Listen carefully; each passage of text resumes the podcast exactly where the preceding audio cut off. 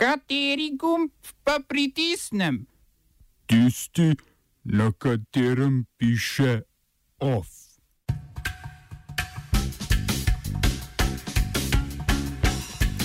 Dober dan.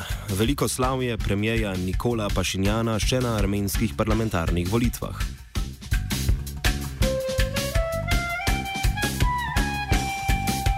Tisoč dvesto prosilcev za azil toži avstralsko vlado. Darko Šarič za tihotapljanje kokaina obsojen na 15 let zapora.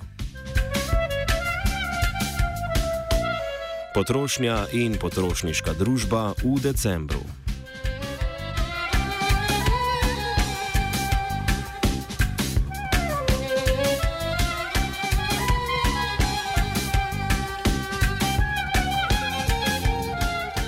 Armenski premijer Nikol Pašinjan je s prožitvijo predčasnih parlamentarnih volitev zadev v polno. Njegova koalicija, imenovana Moj korak, je na včerajšnjih volitvah prejela kar okrog 70 odstotkov vseh glasov, medtem ko je prej večinska republikanska stranka po predčasnih rezultatih celo ostala pred vrati parlamenta, saj je prejela manj kot zahtevanih 5 odstotkov, kolikor znaša volivni prak. Za zdaj ni jasno, ali bo prišla v parlament, saj mora po armenski ustavi vsaj 30 odstotkov sedežev pripasti opoziciji. V parlament sta poleg Pašinjanove prišli le še dve stranki: Svetla Armenija in Cvetoča Armenija. Pašinjan je kot premijer odstopil oktobra, da bi si njegova stranka na predčasnih volitvah v parlamentu pridobila večino. Prej je parlamentarno večino imela republikanska stranka, katere predsednik Serž Sarksjan je z pozicije premijeja odstopil maja po masovnih protestih, dogodku, ki ga nekateri označujejo kot žametno revolucijo.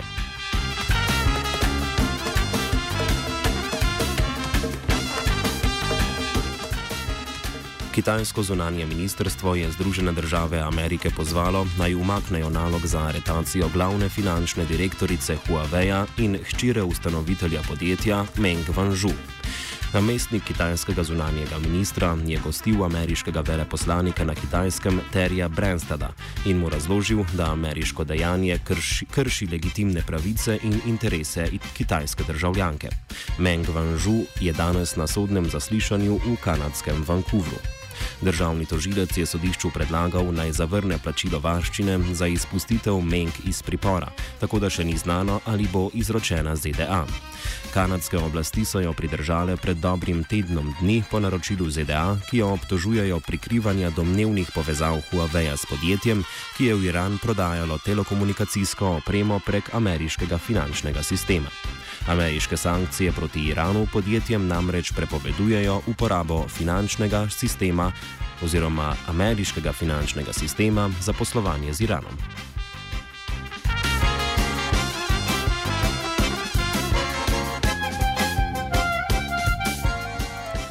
Po poročanju medijev so japonske varnostne službe in ministrstva pripravila načrt, po katerem bosta kitajski tehnološki podjetji Huawei in ZTE od aprila izključeni iz japonskega sistema javnih naročil.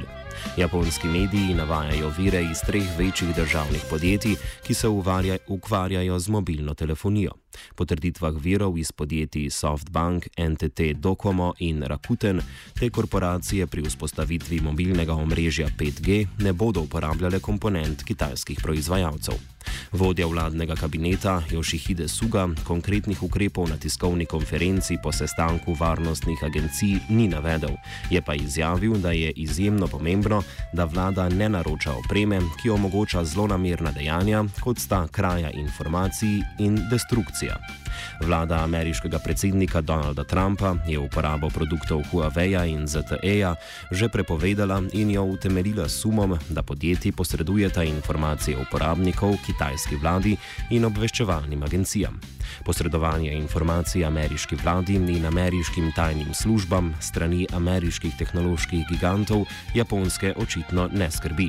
Poleg Japonske sta uporabo komponent dveh kitajskih podjetij pri vzpostavitvi omrežja 5G že prepovedali Avstralija in Nova Zelandija.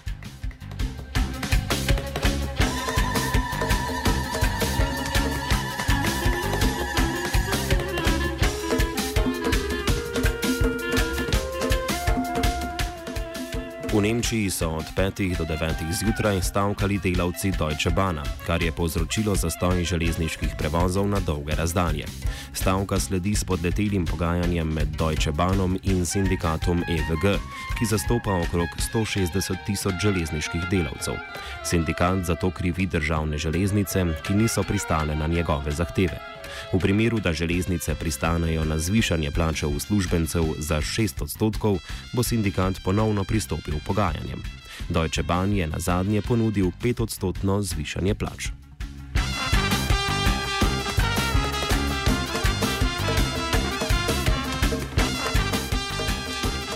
Še na Balkan. Darka Šariča je više sodišče v Beogradu obsodilo na 15 let zapora za tihotapstvo kokaina. Dokazali so mu, da je bil vodja kriminalne organizacije, ki je iz Južne Amerike v Evropo pritihotapila skoraj 6 ton kokaina. V obrazložitvi sodbe je navedeno, da je krivda sodelovanja v organizaciji dokazana skupno 22 obtoženim. Kot organizatorja sta obsojena še Goran Sokovič na 15 let in Željko Vujanovič na 14 let zapora.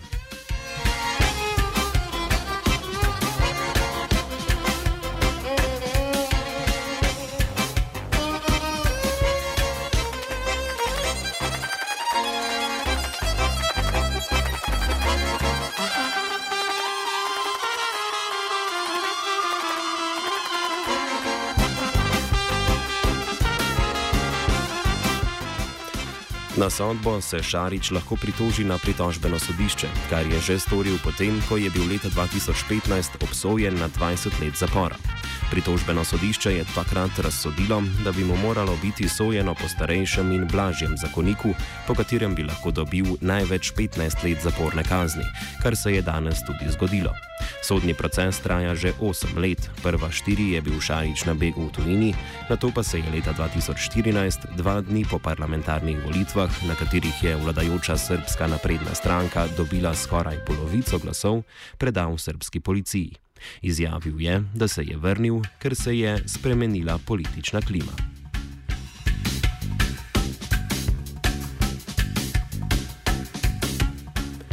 Okrog 1200 prosilcev za azil toži avstralsko vlado, ki jim preprečuje dostop do celine z zapiranjem v migranske centre na otokih Nauru in Manus.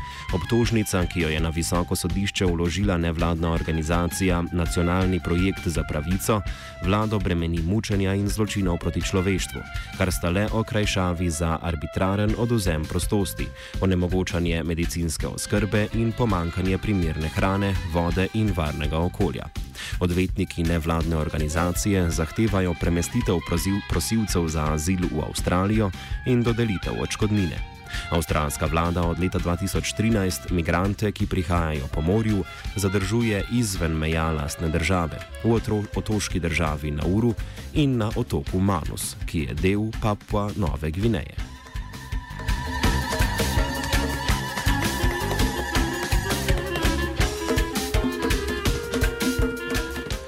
Avstralija je ena od držav, ki so zavrnile podpis globalnega dogovora Združenih narodov o varnih, urejenih in zakonitih migracijah. Pravno nezavezujoč dokument, znan kot Marakeška deklaracija, je danes v Maroku podpisalo nekaj prek 150 držav članic Združenih narodov, tudi Slovenija. K dogovoru torej ni pristopilo okrog 40 držav. Pred poslopjem v Marakešu, kjer poteka konferenca, je protestiral hrvaški poslanec stranke Hrast Hrvoje Zekanovič.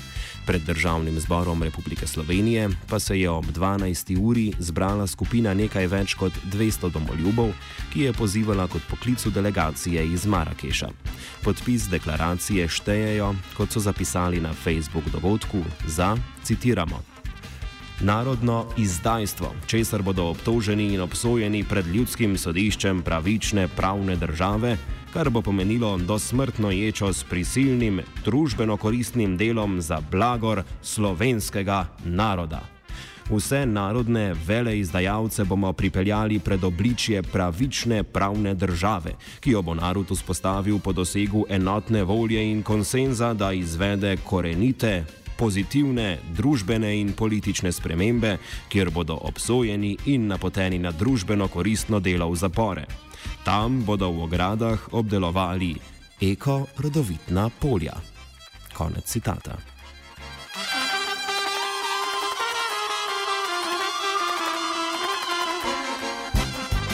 OF je spisal Martin, sledijo kulturne novice.